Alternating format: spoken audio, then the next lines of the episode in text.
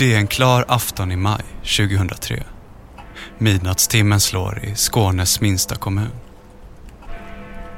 De flesta av er har nog aldrig hört talas om den. Perstorp. Perstorp är känt för två saker. Plast och ättika. När man kör in i stan reser sig en gigantisk ättiksflaska i betong. Stans stolthet förevigad med en staty. Men ättiksfabriken har sedan länge flyttat till Eslöv. Och det är lite grejen med Perstorp. Det är en gammal bruksort som numera bara är en ort. Där den sista industriarbetaren kanske snart är född. Det är lugnt den här natten. Det är oftast det i Perstorp vid den här tiden. Torget är öde, stans lilla bibliotek nedsläckt. Herrskobutikens reavimplar undanstoppade och pizzerians neonskylt sprakar som vanligt skoningslöst i natten. Mitt på torget står en stor röd plåtbarack. Det är stans hjärta och vener, kommunhuset, som på senare tid fått en allt viktigare roll när industrijobben försvinner. Allting är sig likt på torget i Perstorp den här natten. Förutom en grej. Det är något som är konstigt med kommunhuset. Det ser nästan ut som att den röda plåtfasaden svettas. Små pärlor av vatten rinner längs med fasadens väggar och droppar ner på torgets stenplattor. Vattnet ser ut att komma från socialkontoret på andra våningen. Och det är lite märkligt med allt vatten eftersom det inte regnat på flera dagar. Det är ingen som vet det där och då. Men den lilla kommunen är utsatt för en mystisk attack. Och allting börjar med en vattenläcka. Stora delar av Perstorps kommunhus vattenskadades i natt efter att någon har slitit loss en dricksvattenfontän på andra våningen i huset. Brandförman Lasse Unkuri var först på plats. 23 och eh, 40 ringde de mig. Privatperson som var ute och vallade sin hund. Och vad hade den sett? Han hade droppar från tak och väggar utvändigt ju. Så han tyckte det stod inte rätt till ju. Den 22 maj 2003 drabbas kommunhuset i Perstorp av en mystisk vattenläcka. Händelsen blir snabbt en nyhet i lokalmedia. P4 Kristianstad skickar en reporter till kommunhuset för att intervjua kommundirektören. Ska vi gå och titta någonstans där det har hänt? Kan vi göra. I bakgrunden hörs ljudet av byggtorkar som försöker avfukta golvet de går på. Det kan ha varit så att man har smitit in i samband med något sammanträde igår eller det kan vara att det är nycklar på driven på något sätt. Det vet vi inte. Vi fick veta tidigare på morgonen här att det upptäcktes eh, strax före midnatt. Eh, hur såg det ut här då egentligen? För nu ser det inte speciellt farligt ut. Nej, men det, det var ju det att det var ju kraftig vattenutströmning från den här eh, eh dricksvattenkylaren som då eh, fyllde korridorerna här uppe och sen så rann det ner för trappan så det var ett ståtligt vattenfall ner för trappan här. Kommunen har inte bara drabbats av en vattenläcka. Det verkar också som att någon ställt om spänningen till kommunhusets datorer. Så vad var det som hände när eh, kontoristerna kom hit i morse och skulle börja jobba? Ja, när de slog på datorn så sa det väl bara pff. Det är ingen i Perstorp riktigt förstår. Det är varför någon skulle bryta sig in på kommunhuset i Skånes minsta kommun för att genomföra vad som verkar vara ett avancerat pojkstreck. Det ser ju ut som ett eh, sabotage det här även om det inte är utrett. Vad kan du tänka dig att det finns för motiv till en sån här sak? Ja, jag, jag kan inte tänka mig något motiv överhuvudtaget. För att jag tycker inte ens skulle vara roligt att göra en sån här grej. För att, eh, ja okej, det kan vara intressant att se vattnet rinna ut för trappan och ut genom ytterdörren. Men, men eh, jag, jag förstår inte tjusningen med detta. Men det kommundirektören inte vet, det är att vattenläckan och de trasiga datorerna bara är en rökridå. För samtidigt som han intervjuas i lokalradion håller någon på att tömma kommunen på pengar. på varenda litet öre.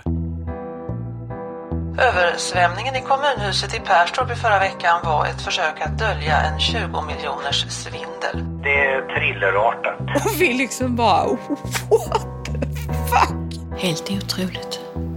Helt otroligt att det kunde ske. Det är ju sånt här man ser på film. Det händer ju inte på riktigt.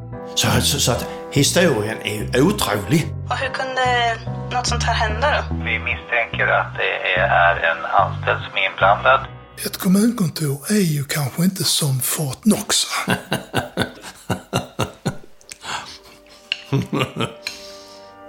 ja, det är bra. Jag heter Mårten Trofast och i den här serien ska jag berätta om vad som hände på kommunhuset i Perstorp för snart 20 år sedan. Och det ska visa sig att den här historien sträcker sig ännu längre tillbaka i tiden. Och att vattenläckan bara var finalen av ett välplanerat bedrägeri som pågått under flera års tid. Det här blir en berättelse om svek, Jag tänkte fan det här är ju skitkonstigt. skratt och skam Vad var det som gjorde att vi var så blåögda? och om en liten kommun som nästan förlorade allt. Jag vill inte väcka upp någonting som har varit egentligen. Jag har inte pratat mycket om det här. Och sen hade vi en helg när vi kallades in för så kallat sortera i arkivet, vilket jag ju i efterhand har förstått var någonting helt annat. Hur fasen kunde vi låta detta hända? Har vi missat något här på något vis? Och hon bara spänner ögonen i mig och säger nu är du bara tyst och jobbar. Rolf verkar ha en liten annan bild av det här. Okej. Det är fullständigt horribelt. Va? Jag visste ingenting. Det här måste du klippa det som jag säger nu. I åtta avsnitt ska jag berätta om den lilla kommunen i södra Sverige och om människorna som jobbade i den. Som blev grundlurade varje dag i flera års tid. Men som också lyckades avslöja hjärnan bakom kuppen. Han var ju en väldigt prydlig kille. Väldigt prydlig. Man visste inte särskilt mycket om honom. Det var en stor skådespelarbegåvning som Teatersverige har gått miste om. Om jag skulle försöka leta efter honom någonstans, var, var någonstans borde jag leta? Då har vi skuldsaldo där 22 miljoner 48 000 184. Jag skulle gissa Brighton. Ja, jag undrar det. Var han kan finnas. Vem är han skyldig de här pengarna? Eh, Perstorps kommun. No está disponible en este momento. Varför hatar man Perstorp?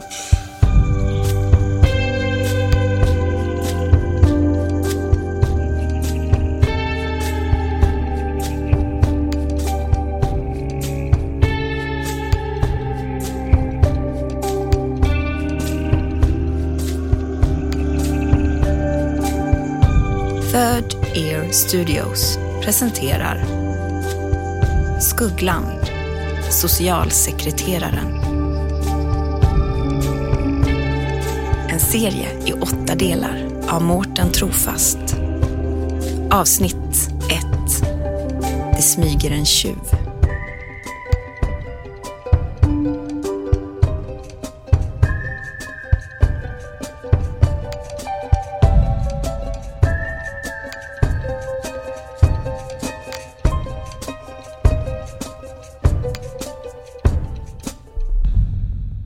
Bara en kort grej innan vi fortsätter programmet.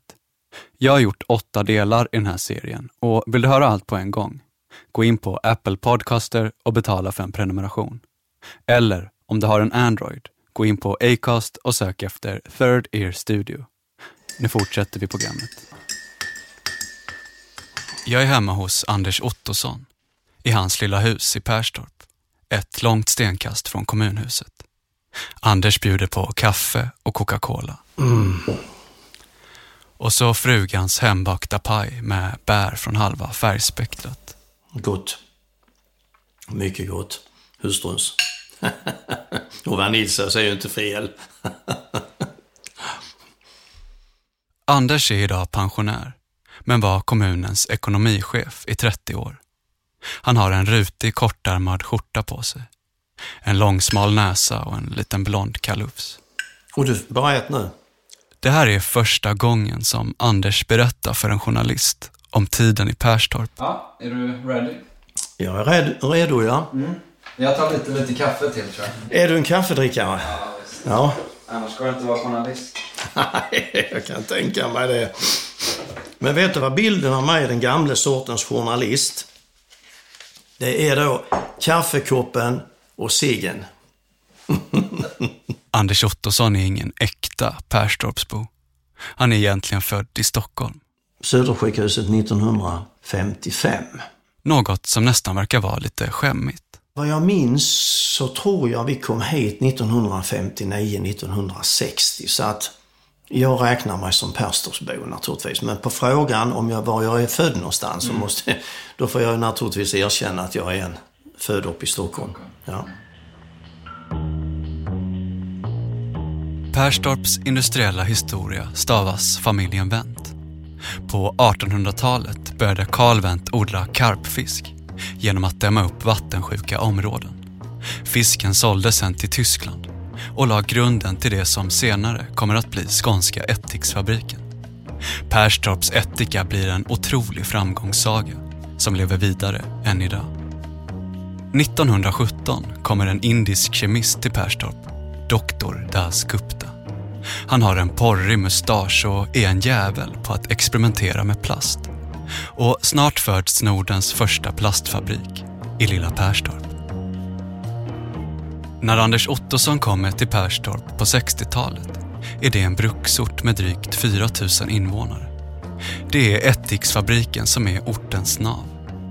Och här tillverkas förutom ättika Sveriges äldsta och mest sålda plastprodukt, Perstorpsplattan. Det är en slags skiva kan man säga, gjord av flera skikt papper som pressas under väldigt hårt tryck. Och kanske har du sett sådana där bordsskivor som finns hemma hos mormor och morfar. Där det ser ut som att någon ristat in ett ljusgrått rutnät med en vass bilnyckel. Inte. Det är i alla fall en Perstorpsplatta. Den ska sätta Perstorp på världskartan och finns på 60-talet praktiskt taget i varje svenskt folkhem. Över 1500 personer arbetar på Ättiksfabriken. Industrin blomstrar i Perstorp. Då börjar ju liksom eh, den stora industrin på orten växa väldigt mycket. Perstorp blir en inflyttningsort för industriarbetare. Och på tio år ökar befolkningen med över 50 procent. Så att det var en enorm puls och en enorm utveckling i, i Perstorp 70, början på 80-talet också. Perstorps kommunvapen består av tre bokfruktskålar av guld och en blå karp med rött fjäll. Bokfrukterna för Perstorps läge insvept av kuperad bokskog och fisken syftar på ortens karpodling som la grunden till Perstorps industriella framfart. Här finns också en liten kyrka, en järnvägsstation och så Balders hage. Ja, det fanns ju väldigt mycket på den tiden, eh, vill jag ändå påstå. Vi, vi, eh, vi hade ju ett diskotek faktiskt som hette Balders hage nere i, eh, i Folkets park. Det var väldigt väl frekvent besökt. Det är rockfolket som kommer till Perstorp och inte vilka som helst. Sen var det ett engelskt band, jag glömmer det aldrig.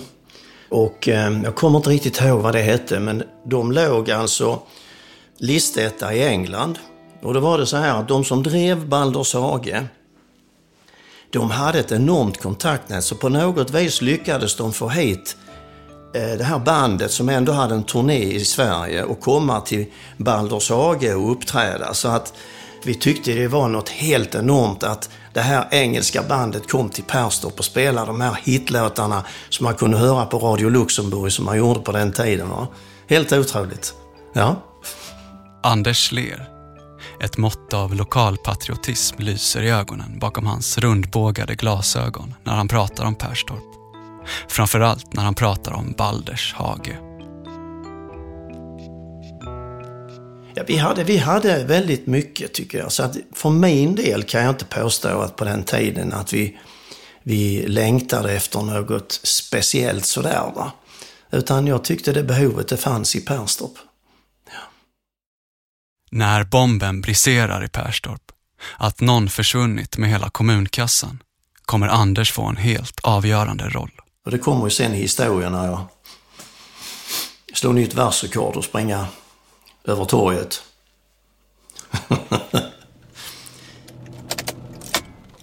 Under 90 och 00-talet förändras Perstorp. Produktionen av ättika har flyttat från stan och Perstorpsplattan är sedan länge helt omodern. Andelen arbetslösa kommer att bli en av de högsta i hela landet. Massor av människor går på bidrag. Hallå, har jag kommit rätt? Ja. Yes. Det har du. Karin. Jajamän. Yes. Kom in. Tack så mycket. Karin Cohen har ett stort rött yvigt hår. Hon ser vänlig men bestämd ut. Under åren 2000 till 2009 jobbade hon som socialsekreterare i Perstorp. Vilket eh, häftigt hus. Ja, det är en gammal bank. Karin bor idag en bit utanför Perstorp. Liksom... Entrén med den lilla stentrappan, plåttaket och de stora glaspartierna vittnar om att huset en gång i tiden fyllt en helt annan funktion än som bostad. Och här var entrén? Ja. Ah. Sen har det ju varit större. Den här När Karin kommer till Perstorp i början av 2000-talet är det till en kommun hon vet mycket lite om. Det är ju en, en lite speciell kommun. Det är ju Skånes minsta kommun och är ju en gammal bruksort som liksom inte riktigt är en bruksort längre. Och det blir ju en speciell miljö på de orterna på något sätt. Um, alltså att man, det som från början har drivit kommunen och varit liksom det som har fått den att blomstra finns inte kvar. Så det blir någon slags vakuum på något konstigt vis. Och, och blir ju också så att många flyttar ju därifrån för att jobba på andra orter. Eh, det blir tomma bostäder, vilket gör att man blir kanske tvungen att... Alltså det blir en inflyttsort lite för de som har svårt att bosätta sig någon annanstans. Så att det var ju ganska hög social problematik i förhållande till kanske kommunens storlek, kan man säga. Mycket har förändrats i Perstorp sedan industrins glansdagar på 60-talet. Men något som är sig likt, det är det röda kommunhuset som ligger mitt på torget. Alltså kommunhuset är ju en ganska klassisk 60-talsbyggnad. En koloss, fyrkantig låda liksom som ligger på torget. Och var väl inredningsmässigt väldigt mycket kvar i den tidsepoken. Det hade inte hänt sådär jättemycket med kommunhuset i Perstorp. I kommunhuset i Perstorp sitter typ alla som jobbar för kommunen. Det är inte som på andra större orter där de byråkratiska verksamheterna är utspridda runt stan. Här, i kommunhuset, sitter kommundirektören, alla nämnder och förvaltningar. Och det är på socialförvaltningen, på andra våningen, som den nyutexaminerade Karin Cohen får sitt första jobb som socialsekreterare. Fördelen med att jobba i en så liten kommun är ju att man kommer i kontakt med allting. Alltså även om jag jobbade med ekonomiskt bistånd så jobbar jag ju så nära resten av förvaltningarna. Så vi var ju en sån himla liten grupp. Jag tror att hela individ och familjeomsorgen bestod av typ 12 personer eller något sånt. Socialförvaltningen ligger på kommunhusets andra våning. Här jobbar socialsekreterare som ska hjälpa dem som inte kan försörja sig själva. Och de är många i Perstorp. Jättemånga. Karins uppgift blir att utreda vilka av dessa som har rätt till bidrag. Så att man, man utreder om man har rätt till socialbidrag, helt enkelt. En viktig del av jobbet är ju att hjälpa människor från biståndsberoende till att klara sig själva, alltså till att leva självständigt ekonomiskt. Varje dag klockan nio på morgonen träffas socialsekreterarna och diskutera sina ärenden tillsammans med socialchefen Maj-Britt. Hon har varit på kommunen hur länge som helst och är en otroligt uppskattad chef med ett ständigt leende på läpparna som ser till att allting rullar på som det ska. Maj-Britt kan man väcka mitt i natten och få svar på socialtjänstlagens svårtolkade gråzoner. Varför man nu skulle göra det.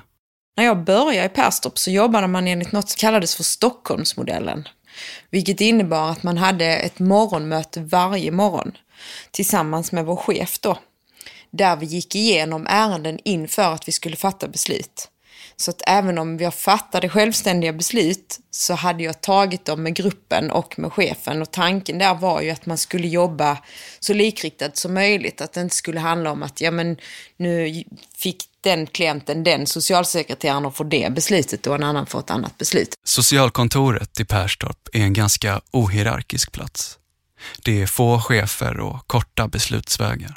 Vi fick jobba med stort ansvar tidigt, vilket jag är tacksam för. Sen var det kanske det som ställde till det lite också i andra ändan, men jag lärde mig väldigt mycket på den tiden av att vara i Perstorp. Så jag, jag trivdes bra, det gjorde jag. I väggarna på socialförvaltningen sitter någon slags inneboende maxim. Det är inte lönechecken som lockar, utan visionen. Att göra världen, Perstorp, till en lite mindre tragisk plats. Men den devisen verkar inte gälla riktigt alla. För det finns en socialsekreterare på kommunhuset i Perstorp som gör tvärt emot vad alla andra gör. Som istället för att ge bidrag till de utsatta stoppar pengarna i egen ficka.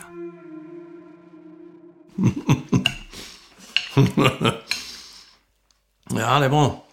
I ett rum i korridoren bredvid Karin Cohens kontor sitter Anders Ottosson. Den 1 oktober 1990 började jag i Perstorps kommun. När Anders är 43 år ung blir han befordrad. Efter åtta år i kommunens tjänst erbjuds han ett toppjobb. Och sedan eh, började jag 1998 som ekonomichef i samma kommun. Och ganska snart efter att Anders blivit chef kommer det en ny kille till kommunkontoret i Perstorp. Ja, det var ju så på, på hösten då 1999 så annonserade ju socialförvaltningen efter en vikarierande socialsekreterare. Och eh, vid det tillfället så eh, anställdes ju då André. I januari 2000 anställs en ny, ung socialsekreterare i Perstorp. Han heter André och är bara 24 år gammal. Nyexad socionom från Socialhögskolan i Lund. André har kort, snaggat hår, bruna ögon och är engagerad i gayrörelsen. Han har jobbat på RFSL, Riksförbundet för sexuellt likaberättigande och har skrivit debattartiklar i Kvällsposten om att han och hans sambo nekat sambopoäng av flygbolaget SAS bara för att de är homosexuella. Och så brukar André prata i Malmö Gayradio. Han var väldigt välklädd, proper, vältalig vid dem när man hörde honom prata och så här. Han var ju inte jeans och t-shirt killen direkt. Det var ju inte alla kommunanställda som hade vit skjorta och, och mörka välpressade byxor och, och så. Han var ju en väldigt prydlig kille. Väldigt prydlig. Den nya kollegan André sticker ut från resten av gänget på socialkontoret i Perstorp. Det är något med hans sätt och klädsel. Till skillnad från de andra har Andrés stil. Han går runt i vit skjorta och mörka, elegant pressade kostymbyxor. När socialsekreterare Karin Cohen börjar i Perstorp är André redan där. Han såg proper ut, eh, gjorde han. Det minns jag från när jag var på anställningsintervjun och, och Maj-Britt sa att det här är liksom André som du ska jobba ihop med. Då hade han någon sån här eh, skottskritig pullover typ och skjorta under och så. Om han hade kostymbyxor minns jag inte. Men, och jag tänkte lite, oh shit, alltså det är inte så som man kanske förväntar sig en socialsekreterare vara klädd. Karin och André är kontorets ynglingar. Båda nyexade i 25-årsåldern. Och eftersom de är nya hamnar de också på ekonomi, som de kallar det. Alltså att utreda och besluta vilka i kommunen som har rätt till socialbidrag. Han var ju en kul kollega liksom. Och han var ju också förhållandevis ung. Jag var ju inte heller lastgammal när jag började i Perstorp. Jag, började var då 27. Uh, eh, och han var väl, om han till och med var två år yngre än mig. Um, så att, alltså, på det sättet kändes det ju roligt liksom. Och det var ju typ han och jag på ekonomi i början. Jag tyckte att det var skoj och jag fick mycket vägledning av honom i början och sådär. Uh, nej, det funkar bra. André är en kul typ, Social, trevlig, snäll, rolig. men lite hemlig. Och sen samtidigt lite sådär mystisk. Man visste inte särskilt mycket om honom. Fick du reda på någonting kring hans privatliv? Nej, väldigt lite. Jag visste ju att han var gay. Annars berättade han inte särskilt mycket om sitt privatliv. Han pratade ibland om sin mormor, kommer jag ihåg. Sen om, om det var på riktigt eller inte, det, sådär i efterhand vet man ju inte. Om, om hon fanns eller inte liksom.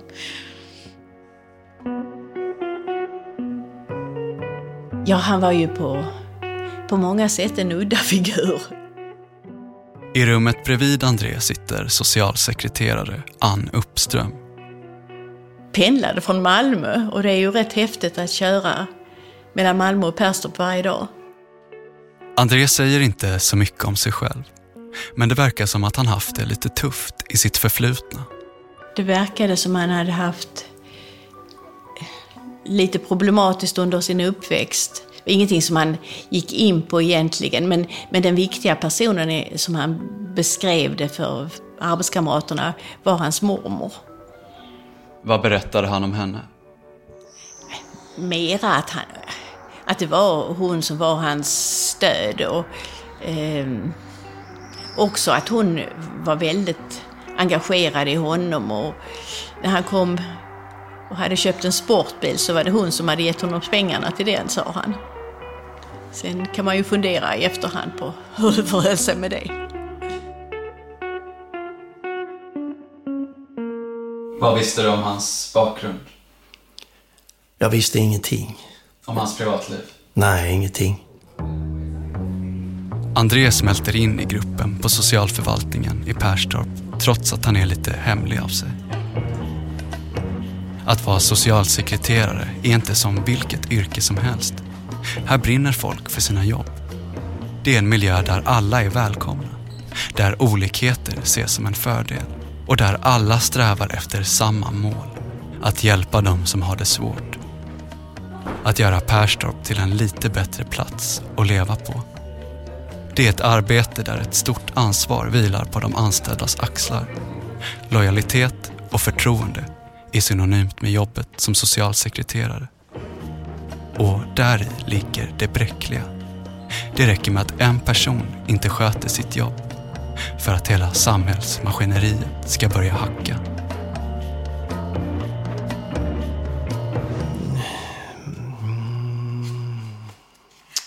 Nej, tycker... Hösten 2001 har kommit till Perstorp. Ekonomichefen Anders Ottosson är bekymrad. Eh, Han tittar i sina papper. jag, ska, jag skulle ha med de här, har jag inte dem? Jo, Han är orolig för kommunens ekonomi. eftersom jag då jobbar som eh, ekonomichef så eh, börjar jag ju, vi vi följer ju månadsvis och vi redovisar ju kostnadsutvecklingen för, eh, som det hette då, socialbidrag. Idag heter det försörjningsstöd. Men om vi stannar vid begreppet socialbidrag så, så märkte jag då i, kan man säga, i november 2001 att eh, det började sticka lite oroväckande mycket. Socialförvaltningens stigande kostnadskurva gör Anders fundersam. Jag kommer inte ihåg siffrorna exakt, va? men det var tillräckligt för att jag skulle reagera. Anders tar upp de ökade socialbidragskostnaderna med socialchefen Maj-Britt.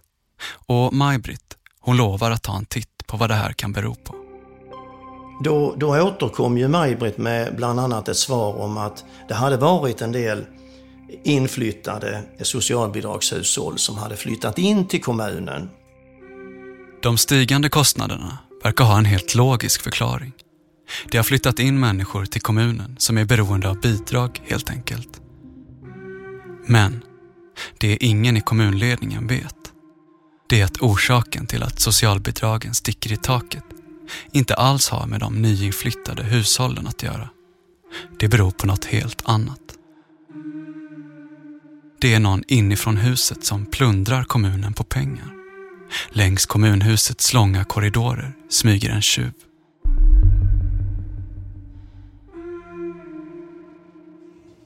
Så här har det varit liksom eh, bank mot... Ja, den bankdisken gick ju här och fortsatte in i... Jag är tillbaka hemma hos Karin Cohen, socialsekreteraren med det yviga röda håret.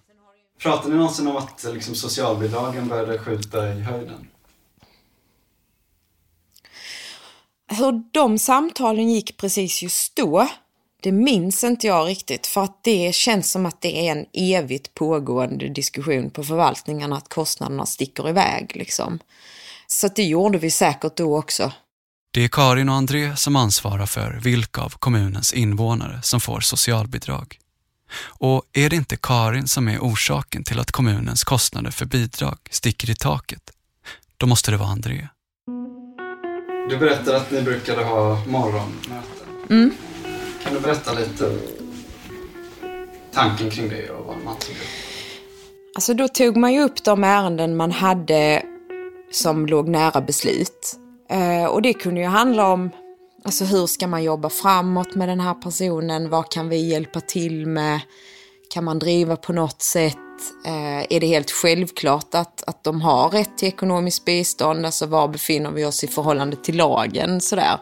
Eh, har de gjort vad de har kunnat eh, för att själva försöka ordna med sin försörjning, vilket ju är en, en grundstomme i socialtjänstlagen. Det är här, på morgonmötet med Maj-Britt, som Karin och André måste motivera varför just deras klienter ska få socialbidrag. Det blev ju att det är lite samma ärenden som man tar upp hela tiden. Så man följde ju varandras ärenden lite grann och hade koll på men hur, hur gick det nu med den och eh, sådär. Så att... Stack André ut på något sätt? Nej, alltså han berättade ju om sina ärenden precis som vi gjorde. Under morgonmötena berättar André om sjuka klienter, om människor som har det svårt och om familjer som är i stort behov av socialbidrag. Men det är varken Karin eller Maj-Britt vet. Det är att allting bara är en enda stor bluff.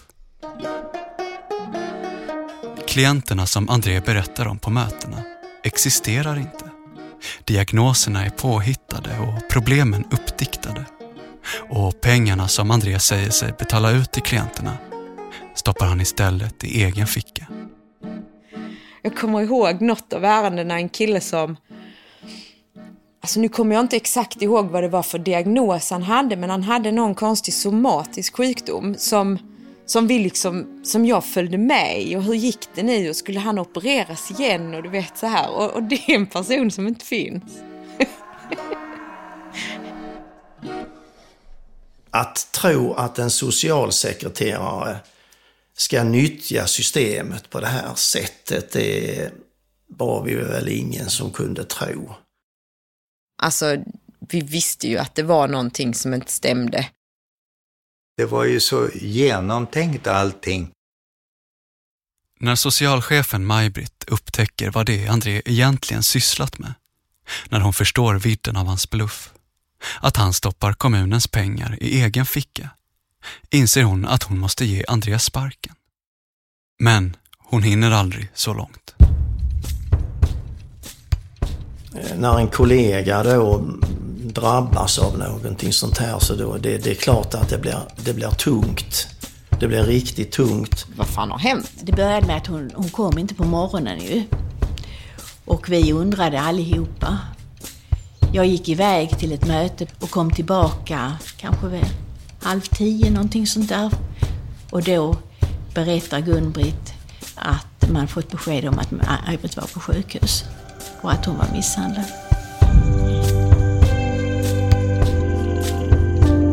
Du har lyssnat på Skuggland, socialsekreteraren. En serie i åtta delar, gjord av mig, Mårten Trofast. Producent var David Mer, slutmix Gustav Sondén. I redaktionen finns också Anna Åkerlund, Sara Lundin, Love Lysarides, Maria Hansson Botin och Joel Silberstein Hont. Vignetten är skapad av Jonathan Johansson och David Lindvall.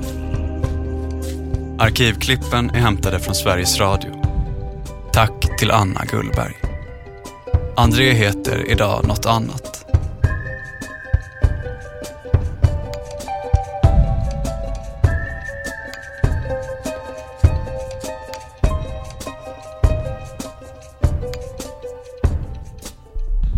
Det är såna här historier som vi vill ge till dig. Och gillar du det du hör, glöm inte att prenumerera på Third Ear Studio. Du kommer inte bara kunna få förhandslyssning på den här serien, som jag jobbat med i nästan ett halvår, utan vi kommer också kontinuerligt släppa nya, exklusiva program från oss på Third Ear Studio. Just nu finns det första avsnittet av ett program som heter Dockland. Där kan du höra när min kollega Maria Hansson Botin ger sig ut på jakt efter Osama bin Ladens andlige rådgivare. En av de få i världen som fortfarande är vid liv och som visste vad som skulle hända den 11 september 2001. Right, you don't wake up one morning hating people so much that you are willing to just massacre them. That doesn't happen. Det här är historien om en av Osama bin Ladens närmsta män. He used to be the advisor of bin Laden. En historia om radikalisering. What are your future plans? Om att förändra världen genom rädsla. You'll see them and hear about them in the media. God willing. I told him to be honest. I don't know what is going on in your mind.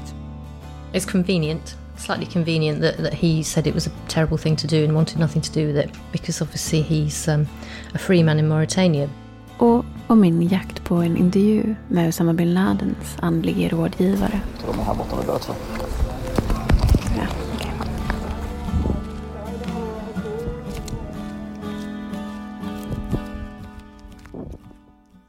Lyssna på Osama bin Ladens andlige rådgivare endast på Apple eller Acast. Prenumerera på Third Ear Studio så får du tillgång till allt vårt innehåll. Gå in på Apple Podcaster, ni vet den där lilla appen som finns förinstallerad i alla iPhones och bli Third Ear Plus-prenumerant. Eller sök på Acast efter Third Ear Studio.